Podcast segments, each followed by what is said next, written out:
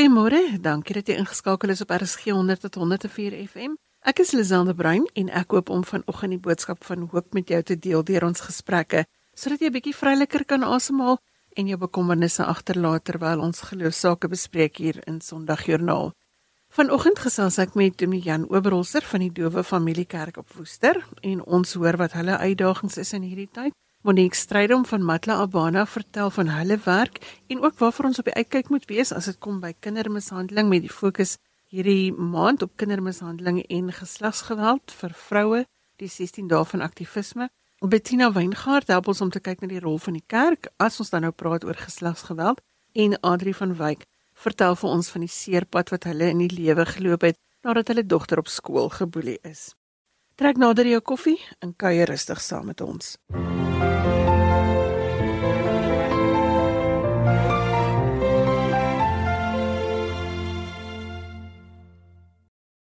Oberholzer is predikant by die Dowe Familiekerk in Woester en soos met alle gemeentes is hulle uitdagings groot met die pandemie om ons. By die fokus op mense met gestremthede in November gesels ons vanoggend met hom. Goeiemôre Jan. Goeiemôre Lisel en ook vir die luisteraars. Vertel ons van jou gemeente en die gemeenskap op Woester. Lisel, baie dankie vir die geleentheid.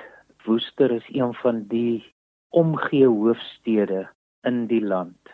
Nou in die gemeenskap waarin ons woon, is daar dowe mense, mense, persone wat blind is en ook doofblinde persone. So ons gemeenskap gee werklik om vir dowe mense. Nou miskien sal die luisteraars ook vra nou waarom moet daar 'n gemeente van dowe mense wees? Ek dink die antwoord lê in die kommunikasiemetode.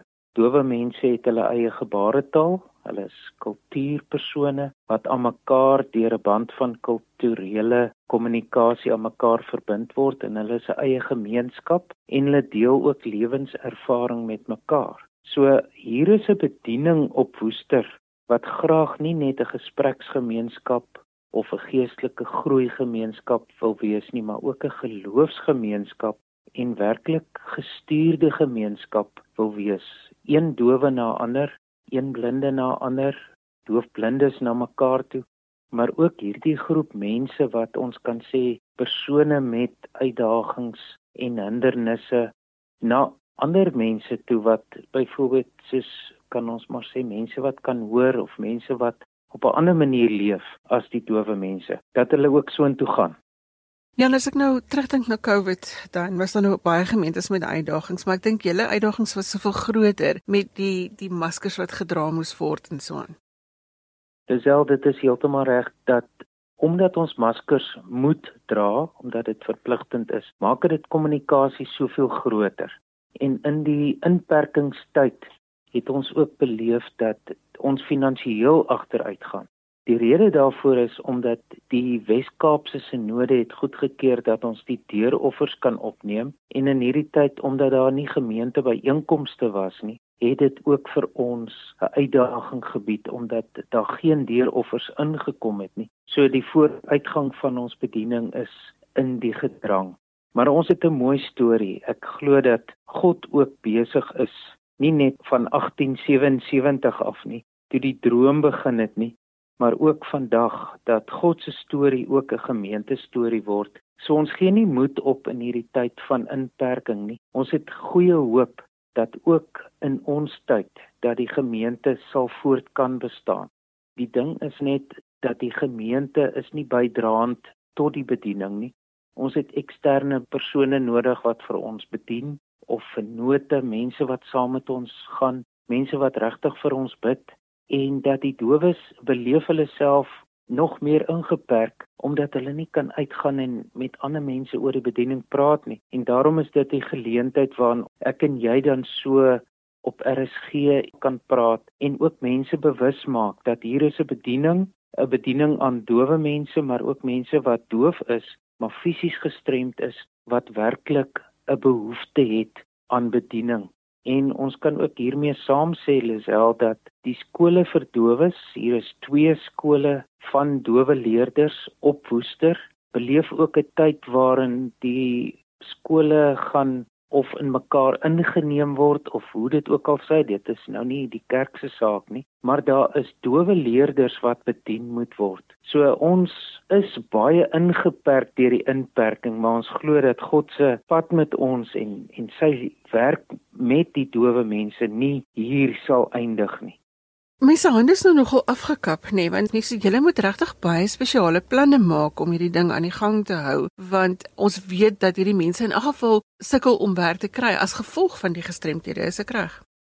Jy is heeltemal reg. In hierdie verband het ons nie soos ons nou maar kan sê in ons algemene taal, ons het nie wit boortjie werkers nie. Die meeste van ons persone is bloukraagwerkers en daarmee diskrimineer ons nie van die dowes maak van fantastiese houtwerk en staalwerk en palisades wat hulle oprig. Hulle het hulle eie besighede in terme van paneelklopwerk wat hulle doen en sodoende maak hulle ook 'n lewe daarvan.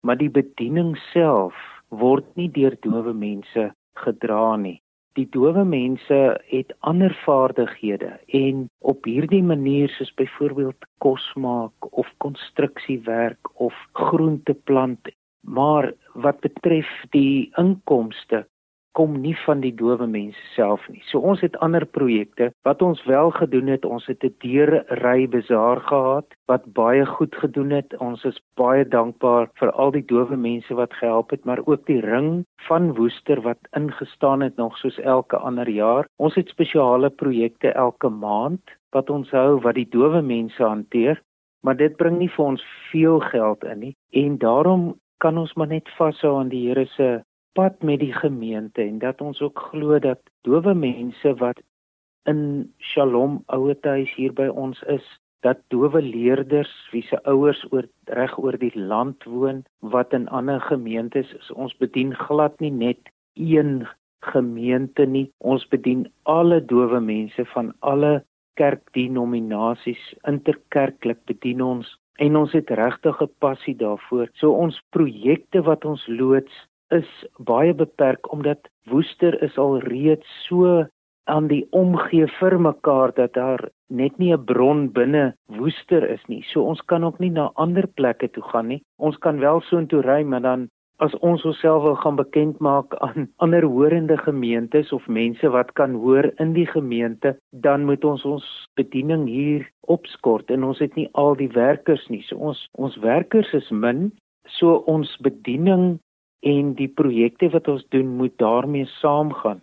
Ons het byvoorbeeld 'n jeugprogramme, ons het bejaardeprogramme, ons het meervoudige gestremde persone wat doof is. So ons doen wat ons kan, Lisel, maar op hierdie stadium het ons werklik net die Here se krag nodig. Ons weet dat die sinodale fondse en administrasie taakspan vir ons ook in die verband help maar ons weet dat fondse is ook beperk in hierdie stadium. En soos wat jy nou gesê het, dit is nie regtig moontlik vir hierdie gemeentelede om by ander kerke in te skakel sou julle gemeente nou nie meer bestaan nie, maar Jan, op 'n heel ander noot wil ek vir jou vra, waarvoor is jy dankbaar in die lewe? Dis wel ek is werklik dankbaar vir die manier waarop die Here hierdie gemeente gelei het. Van 1877 af tot en met 1987 waar die eerste leraar beroep is na Woester toe vanuit Belwel gemeente, maar ook vir ons wat nou tans in die bediening is en wat my dankbaar maak is dat hierdie gemeente 'n gemeente is wat almal verwelkom en en werklik 'n geskenk is van die Here vir die res van ons Suid-Afrika want hier maak kleur nie saak nie of ras maak nie saak nie. Ons nooi mense van alle denominasies en wat my dankbaar maak is dat ek betrokke kon wees by die dowe bediening sedert 1984. Maar wat my dankbaar maak is dat God nog nooit tou opgegee het ook met mense wat doof is nie.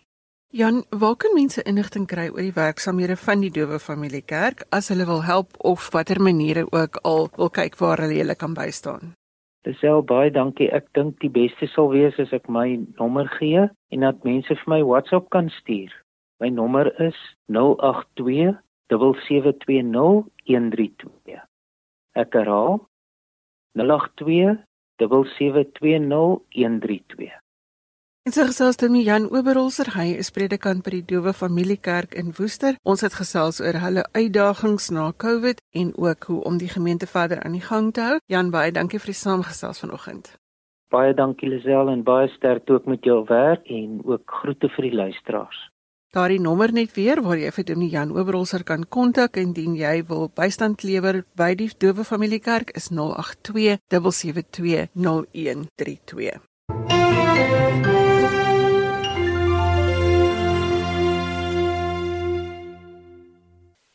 Jy is ingeskakel op RSG 100 tot 104 FM. Ons bring stories met inspirasie en dankbaarheid wat hopelik 'n bietjie warmte in jou hart sal los.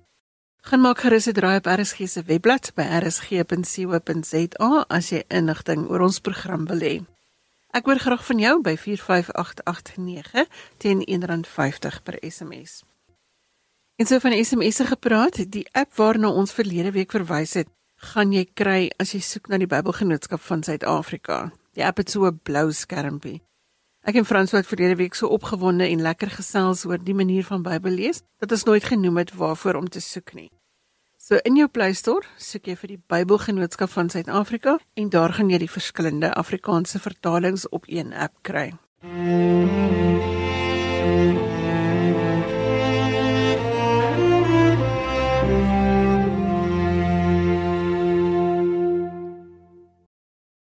Monique Strydom is van Matla Abana en hulle werk saam met die polisie om die aanmeldingsproses van geweld teen kinders vir die kind makliker te maak. Goeiemôre Monique. Hallo, hoe gaan dit? Dit gaan met ons baie goed, dankie. Ek wil by jou weet wat is Matla Abana se missie? Wat doen julle?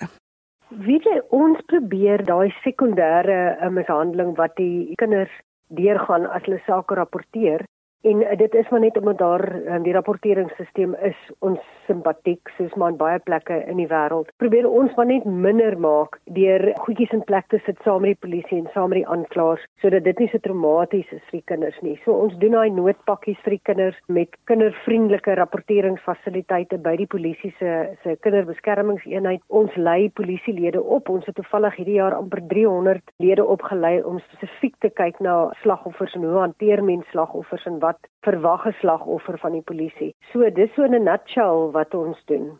Watter rol speel geloof vir julle in hierdie werk? Jong, Matlabana is gebore uit my ervaring as 'n gijslaer en daar die Here my geroep absoluut om om dit te begin. En die dag wat ek Matlabana begin het het ek gesteer gesê dit is u projek. Um, hardloop met dit. Ek is net die instrument. En dit is wat dit nog is. En weet jy ons kom elke jaar ons sukkel ook as ander charities om altyd geld te kry maar elke jaar kom ons nou sê vir Here. Hier is ons behoefte en hier is waar ons wil werk. En hy seën ons net on ongelooflik vir ons is dit net 'n absolute getuienis dat as jy besig is met die regte ding, gaan die Here jou seën. So hierdie is 'n walk of faith. Dis wat Matlabana is. Ons praat nou oor 16 dae van aktivisme van geweld teen vroue en kinders. Waaroor gaan hierdie 16 dae?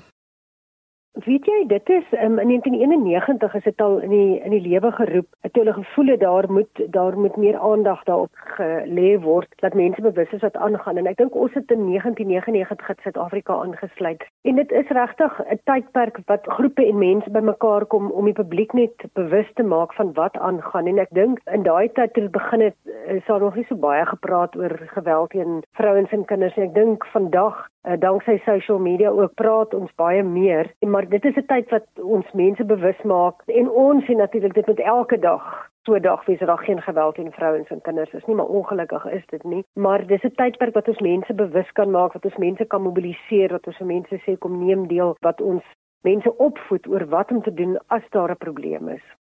En wat gaan julle spesifiek doen nou gedurende hierdie tyd wat is julle bydrae Jong, ons is opgewonde. Ons gaan ons noodpakkies doen wat ons vir die uh, kinders doen, gaan ons pak en dit gaan in Gauteng in die Weskaap gebeur. Ons is baie opgewonde oor 'n veiling wat ons het wat Glendien, daai wonderlike vrou wat so mooi verf, het vir ons 'n uh, skildery gegee wat ons gaan opveil. Dis natuurlik om geld in te samel om pakkies te kan maak. En dan gaan ons 'n kampanje hardloop vir mense om skole te nomineer wat hulle graag wil support en ons gaan dan vir die wenskool gaan ons 1000 van ons survivor guides. Dis so terapieboekie wil ons graag dan vir hulle skenk, maar ons gaan dit nou alles bekend maak op ons Facebook so 'n bietjie nader aan die tyd.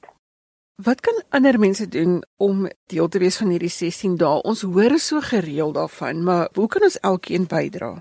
Ja, weet jy, ek dink die mense se harte is goed en en mense wil betrokke raak want ek dink dit raak almal van ons. Ek dink nie daar's 'n familie wat nie kan sê dat hulle al so iets ervaar het in hulle familie nie. So ons vra vir mense begin met die die basiese beginsels. Praat net. As jy hulp nodig het, gaan praat voed jou kinders op gaan leer bietjie meer van die gevare wat daar is. As jy weet van iemand wat hulp nodig het, gaan ondersteun hulle. Maar raak net betrokke, praat net. Die wat by kerke is, ons kom praat graag as dit ons areas is, reik ons uit. Bel ons, kyk net waar kan jy betrokke raak en soos ek sê baie keer dit vat nie geld nie, dit vat jou tyd, dit vat jou talente en daar is regtig 'n plekkie vir almal. Ek dink vir alles wat by vroue en kinders sake kom. Dis dis verskriklik wat in ons land aangaan, die aantal vrouens wat vermoor word, en vrouens wat in slegte situasies sit. Die, die aanslag op ons kinders is net oorweldig groot. En dan natuurlik as jy 'n prayer warrior is, bid asseblief, want want ek glo absoluut dis 'n geestelike stryd waarmee ons besig is.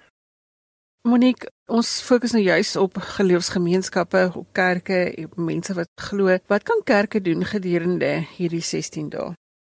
Dit is seker een van die belangrikste dinge wat kerke kan doen natuurlik is om te gaan kyk wat se protokolle het hulle in plek want ons weet baie keer kerke werk met kinders, daar's die Sondagskole of die die jeugkerke en dan weet ons hoe kerke gee terapiedienste. So seker van die belangrikste goeders is het jy uh, wat ons noem 'n child protection protocol in plek dat jy nie net jou eie mense, jou terapeute of jou pastore en jou jeug um, counselors kan beskerm nie, maar dat jy ook jou kliënte beskerm. So wat is jou protokolle? Wat as 'n kind na jou toe kom ek is gemolesteer? Wat is jou protokolle ten opsigte van die mense wat jy met kinders laat werk? En ons moet nooit vergeet dat pedofiele plekke soos kerke en skole en sportopleiding ensovoorts, hulle hulle kies daai plekke want dis waar mense mense vertrou en waar hulle toegang kry. En dan miskien maar net deur daai tydperk, kyk dis die 25ste November tot die 10de Desember is om dienste dalk in in die uitreike na kinders so te doen met die oog op beveiliging, met die oog op beskerming, met die oog op die kind se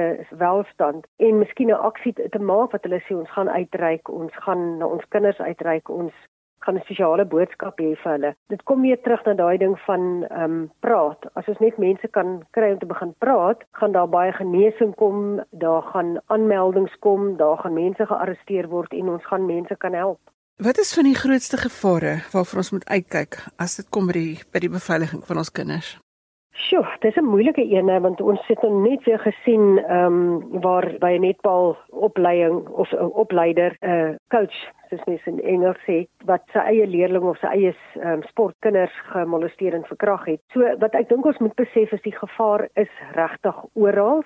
As dit by kinders kom vertrou ek maar bitter min mense en ek ek dink dit is mense wil nie spooke opjaag nie maar dis maar wat ek vir ouers sê wees liewer versigtig voordat skade gedoen is. Ek dink een van ons grootste bedreigings vandag definitief en alhoewel dit 'n fantastiese ding is wat wat ons het of 'n instrument wat ons het is die internet ons sien definitief dat byvoorbeeld profile van boelies het verander waar hulle na die groot sterk ou by skool was is dit nou die ouetjie met sy brille wat agter die rekenaar sit en mense boelie. En natuurlik ook daai daai rekenaar maak dit wat ons altyd sê maak dit moontlik dat die oortreder in jou kind se kamer kan kom sonder om eers deur die voordeur te stap So is om definitief vir ouers op hoogte te wees van van waar op jou kind is as hulle op hulle fone is of op sosiale media is, met wie praat hulle, hulle baie mooi oplei en gevare en ons vind dit onrusbarend dat baie ouers nie eers weet wat se programme daarop is. En dit is moeilik want dit dit verander so vinnig. En en bewus is van die goed wat aangaan op hoogte bly en 'n oop deur met kommunikasie of van kommunikasie met jou kind het. Want want ons sien baie met die internet mishandeling is dit is daar baie grooming betrokke jy weet 'n ou sal 'n kind target met die kind eers op die rekenaar begin praat en later gebruik hulle afdreigings of hulle gebruik wat hulle kind dreig om dan die kind basies gevangene te hou. So doodseker te maak dat jy jou oop deur van kommunikasie na jou kind toe het dat jy vir jou kind kan sê as daar probleme is kom enige tyd na my toe. Ons maak foute, maar ons is hier om jou te help. Dit is dis seker maar een van die grootste gevare wat ons nou meer sit. Ek sluit altyd ons gesprekke af om te vra waarvoor is jy dankbaar en wat gee vir jou hoop in hierdie werk wat jy doen? Waarvoor is jy dankbaar en wat gee vir jou hoop? Ons is net dankbaar daar is soveel mense wat omgee en ek ek wil regtig begin by die polisielede saam met wie ons werk. Weet hulle is so mense so krities teenoor hulle, maar ons werk saam met 'n ongelooflike groep mense, 'n ongelooflike groep aanklaers, mense wat regtig beyond the call of duty gaan en en dit is vir ons inspirerend is om te sien hoe daai mense werk om 'n verskil te maak. En dan is ons regtig dankbaar vir elke vrywilliger, vir elke persoon wat bygedra het, vir elke persoon wat praat. En ons is net so ongelooflik dankbaar dat ons in 'n posisie is waar ons kingdom work kan doen en 'n verskil kan maak. En mense sien nie altyd die verskil nie want die die getalle is so oorweldigend. Maar jy jy kry 'n briefie van een slagoffer of jy kry 'n polisielet wat net vir jou sê dankie wat jy vir my beteken het. En dan dan besef mense stadig maar ons wen die geveg. Ons ons is besig om 'n impak in mense se lewens te maak Monique baie dankie vir die samegesels vanoggend. Monique Strydom is van Matla Abana en hulle werk saam met die polisie om die aanmeldingsproses van geweld teen kinders vir die kind makliker te maak. Baie dankie vir die samegesels. Baie dankie vir julle hoor. Die oorlosie stap aan en ons is min of meer in die helfte van ons program vanoggend.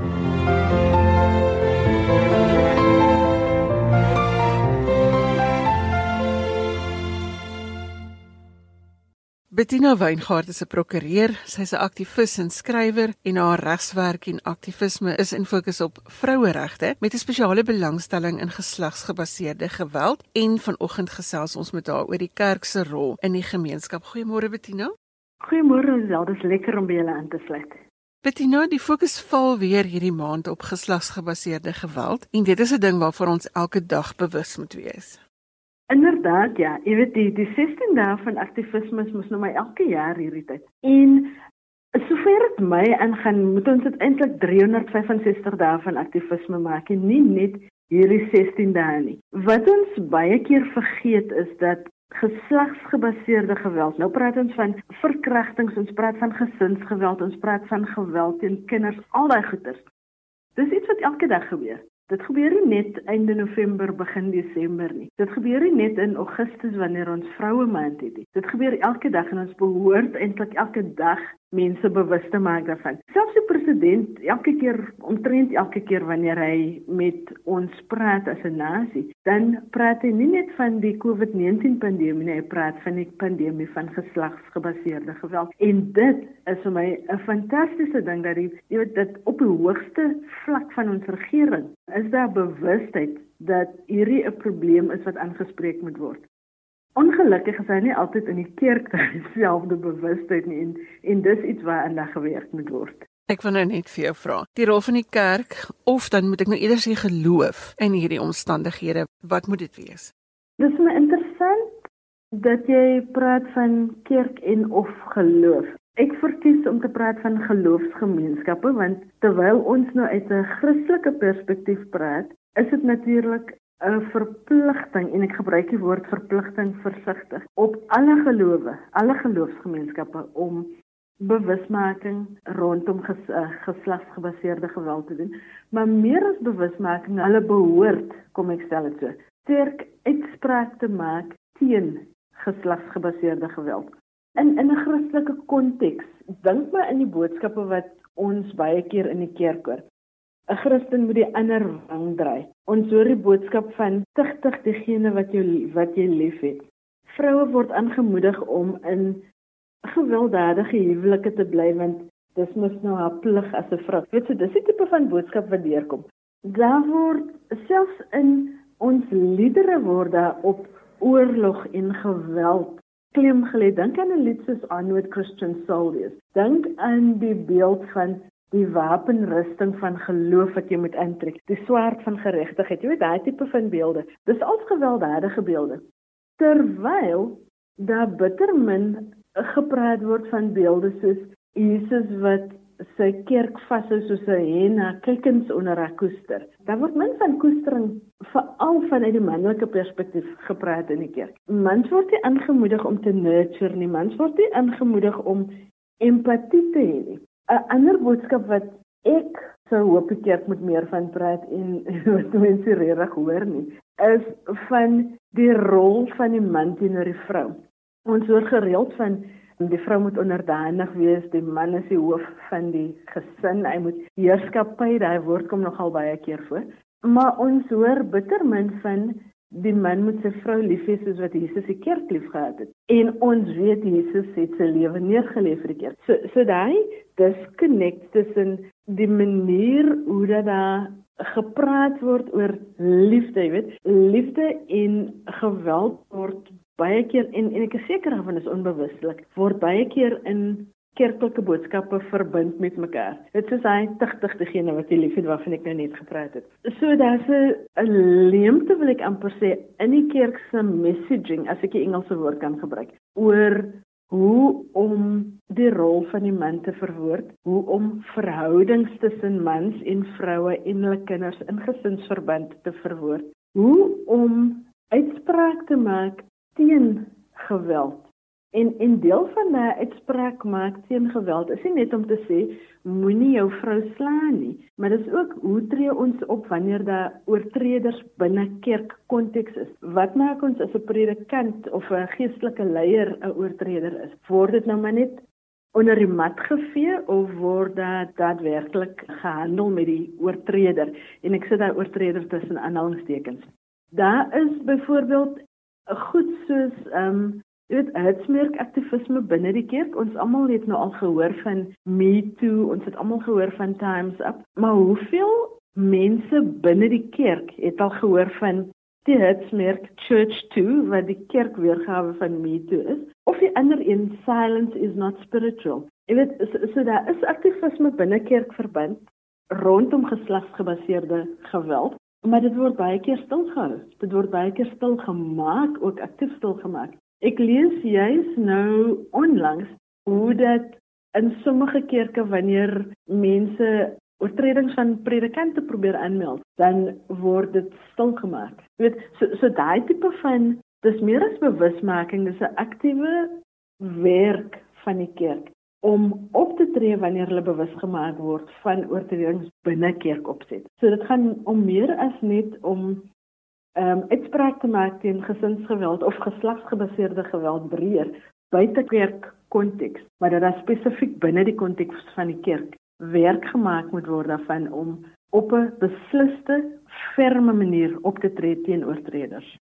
Ek dink jy sit 'n heel ander gesprek op die tafel. Ons kan vir maande lank 'n program doen oor die taal wat ons gebruik, hoe ons dit verstaan en ek dink COVID het vir ons almal geleer hoe verskillend ons dinge interpreteer as dit kom by taal. Ek wil vir jou vra, Wat is die moeilikste ding wat jy al moes hanteer en hoe het jou geloof jou daardeur gehelp? Weet jy, ek ek het eintlik 'n baie charmed lewe gelei dit en ek is ewig dankbaar daarvoor. Maar een groot ding wat in my lewe gebeur het was toe my beste vriendin is 'n paar jaar gelede dood in 'n motorongeluk. En dis een van daai Ek wil amper sê frats ongelukke waar die res van die mense in die voertuig het sonder 'n skrapie weggeloop en sy het gesterwe. Dan dink 'n mens maar, hoe kon iets so sinneloos gebeur?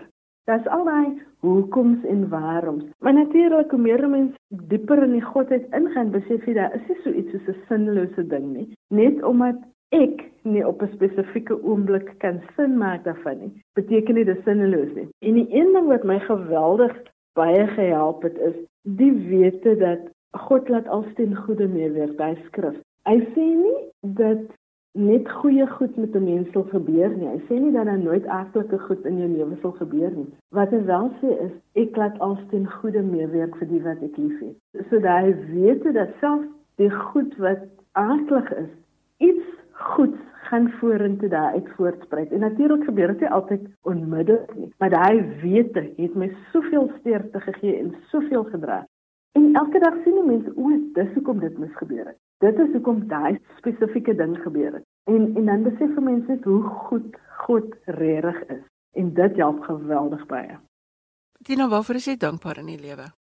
'n Mens is so geneig om te kyk na groot goed om voor dankbaar te wees. In die afgelope tyd het ek net besef dat Baie keer is die uitdaging om die klein dinge te sien waarvoor 'n mens dankbaar moet wees. Ek probeer om elke dag ten minste 3 goed te vind waarvoor ek kan dankie sê. En in hierdie tyd is gesondheid natuurlik altyd hoog op die lys. So ek is dankbaar vir gesondheid. Ek is dankbaar vir my familie. Selfs my hond wat by my voete lê en snork, weet. En in hierdie tyd van beerdkrag Dankie vir beurtgekrag want dit gee mense nou 'n geleentheid om vernuwend te dink oor hoe ons anders kan doen eerder as om heeltyd gefrustreerd te wees oor dit wat verkeerd gaan. So in plaas van 'n groot goed waarvoor mense en natuurlik is daar baie groot goed om vir dankbaar te wees, maar vir my is dit die uitdaging is kry elke dag 'n klein dingetjie om vir dankbaar te wees. Natuurlik wil ek dadelik ook vir jou vra. Mense sukkel met hoop vandag. Dit bly 'n ding nou na Covid. Ons is nou al terug, hopelik amper na normaal toe. Wat gee vir jou hoop? Ek vind elke dag hoop in ons mense. Dit ons Suid-Afrikaners is 'n fantastiese groep mense. Ons is besonder. Die manier hoe dat ons in krisisse bymekaar kom, die manier hoe dat ons mekaar bystaan, sonder huiwer hande uitsteek mekaar help. Ons mense, ons land se mense gee my hoop elke dag. Ons jong mense, die manier hoe dat hulle uitgaan en die wêreld verander sonder vra vra op 'n stil manier baie, maar dit gebeur net en dit gee my hoop van elke dag besef ek jy's ons woon in 'n fantastiese land. Bettina Weingart is 'n prokureur en 'n aktivis. Ons het gesels oor vroueregte in hierdie tyd van waarop ons fokus op geslagsgebaseerde geweld. Bettina, dankie vir die saamgesels vanoggend. Baie dankie. Die woord dankie is so 'n klein woordjie, maar die betekenis en die impak daarvan is ongelooflik groot. Stuur vir ons 'n SMS om te sê waarvoor jy dankbaar is en deel dit met iemand in jou huis daar rondom jou.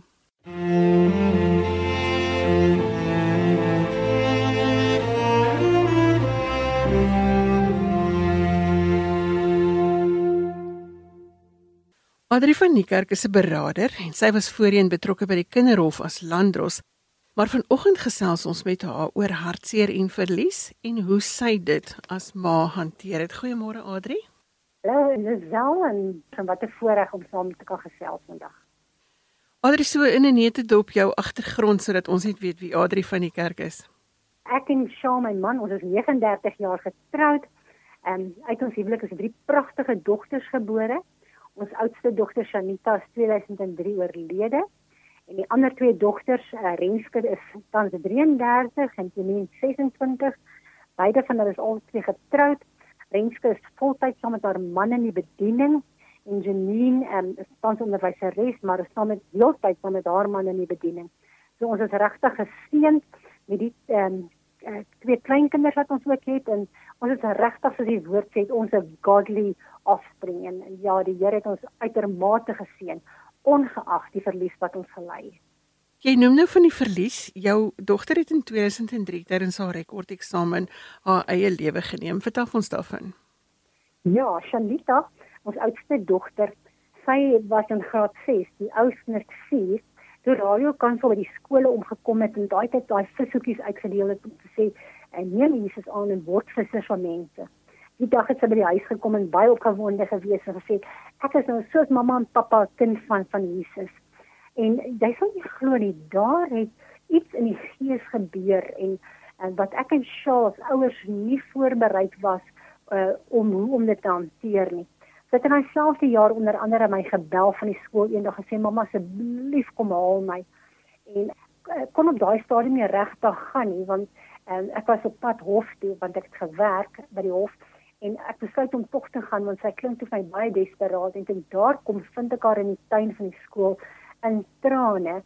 Toe daar onder ons net pasplase vind, soos dit maar gebeur terwyl die onie uit was. En sy het op haar tas geskryf ek is 'n Christen. En net die onder ons het van die kinders van die seuns onder andere haar tas begin skop en sê o, tog jy's 'n Christen. En elke keer as sy opstaan uh, om haar tas, dik om haar tas op te tel, dan word op haar kop gespoeg. En sy sê ek kan nou kry in die tuin, toe is haar kop papnat gespoeg en daar het het iets gebeur en sy daar het sy geweldige verwerping begin beleef. En nie net uh, in in die laerskool nie maar ook in haar hoërskool uh, loopbaan het sy kort kort teenoor ons genoem maar sy beleef sosiale uitsluiting.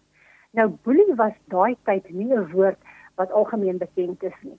En dis presies wat vandag nog gebeur in skole is bullying in hierdie vorm, het sy verwerping of sosiale uitsluiting. En daar um, 2003, die 31ste Augustus, het sy oggend wakker geword en na aanleiding van 'n voorval, sê sy mamma en pappa, ek was net nooit goed genoeg en onvoorwaardelik vir die kinders nie. En daai middag, ons op haar liggaam afgekom nadat sy eie lewe geneem het die Sondagmiddag. Ander as ek net vir 'n oomblik nog by jou kan stil staan. Hoe het jou geloof jou hierdeur gedra? Nou ja, as dit nie was vir my geloof nie, ek weet nie sou ek daardie gekom het nie. Ek persoonlik het my dadelik na God gewend. Ek het letterlik as sjaal die oggende die ander twee kinders wat onderskeidelik in uh, graad 8 en in graad 2 was. As hulle skool toe geneem het, het ek letterlik my gaan uitstrek op my sitkamer mat en ek het gesê Here, sien my net raak. Ek het letterlik uitgeroep na die Here want ek het nie oor die woordeskat beskik om te bid nie. Ek kon nie woorde en gedagtes formuleer om te bid nie. Al wat ek kon uitroep net is Here, sien my raak. En dan het ek geweet dat die Heilige Gees kom en soos dan Romeine staan dat hy my, vir my intree met onuitspreeklike sigtinge.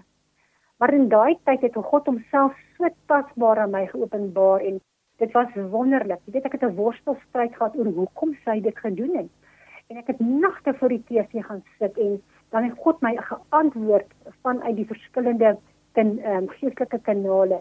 Dit soos 'n goue draad het dieselfde skrifte deurgekom onder 'n ander Spreuke 18 vers 21 dood en lewe is in die mag van die tong en en soos die mense sy siel bereken, so is hy. En dit was haar probleem, sy het altyd negatief oor haarself gepraat en ek en Shaw het nie geweet wat sy is daarvan en wat se krag het dit op haar lewe nie.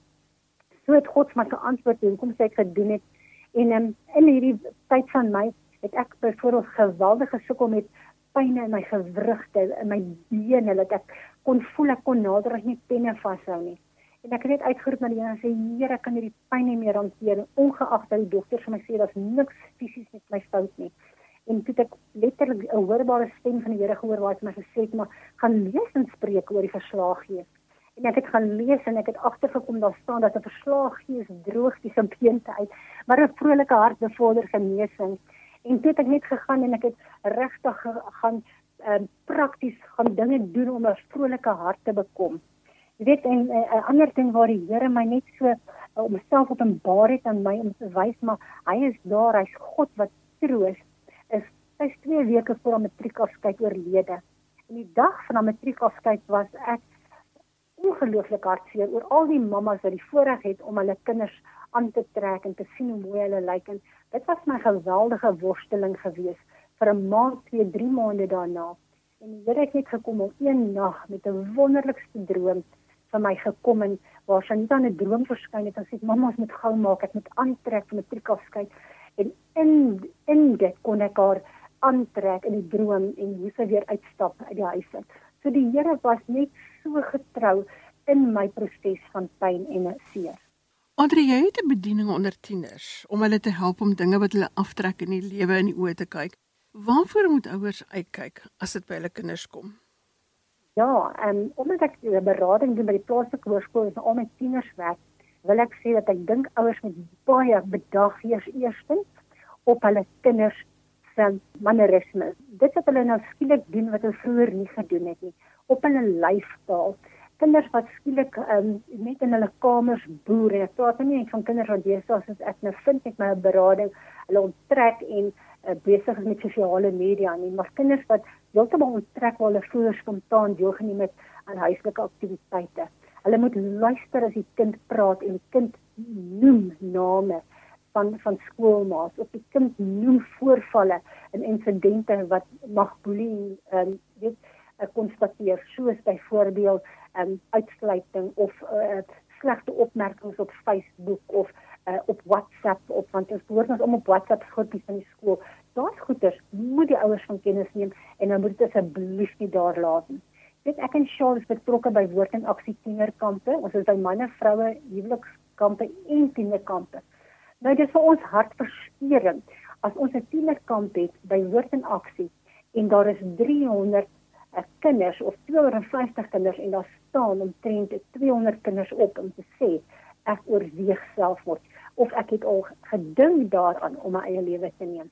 En dan kan jy nog gaan kyk, dan is gewoonlik groepsdruk, verwerping en natuurlik ook huislike omstandighede soos 'n afwesige pa, soos 'n pa wat ehm um, net nie daar is nie, terwyl hy in in persoon en lyf daar is en nie daar is nie. So dit is regtig wat ek wil sê die ouers na moet oplet. Audrey, waarvoor is jy dankbaar in die lewe? Jo, ek is baie dankbaar. En um, eerstens ek net vir jou sê ek is so dankbaar dat Shanita se dood nie verniet was nie. Alhoewel haar dood nie vir God dat hy nie welbehaag gehad het in haar dood nie. En weet ek dat God is dan 'n God van waarheid as hy sê dat alles werk ten goeie mee. Ek het nooit gedink na dood ek gaan weer uitbundig kan lag soos wat ek kon doen voor haar dood nie. En die Here het net dit kom eh, restore. Hy het net my joy kom herstel. Soveel so dat my middeldogter eendag my gesê, "Mamma, jy was altyd joyful, maar ek vind dat jy is ekstra joyful." En dit is waarvoor ek dankbaar is dat God kom en is 'n waarmaker van sy woord as hy sê ek is by magte om oneindig meer te doen as wat jy kan bid of dink. So ja, die Here het ons joy kom herstel en daar is daar's niks wat ek weet God nie kan doen nie. En daarvoor is ek baie baie dankbaar.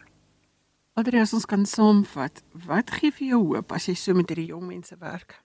Wel ek hoopvol is en of hoop het is wat ek sien vandag se tieners wil gehelp word.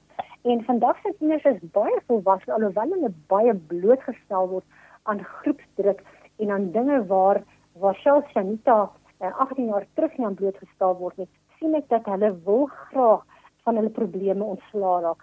So daar's 'n oopendheid by kinders om met hulle probleme uh, voor in dag te kom. Hulle het net nodig dat iemand moet bereid wees om te luister. En 'n mamma moet maar sê, weet jy wat, kan ek die skool se beraader kontak of om met jou te gesels. En dit is waar die kinders dan as hulle met daai beraader konnek, dan kom hulle net en hulle vertel sonder uh, skaamte om te sê, maar ek sukkel uh, met vrees of ek sukkel met minderwaardigheid of ek sukkel met met selfvertroue.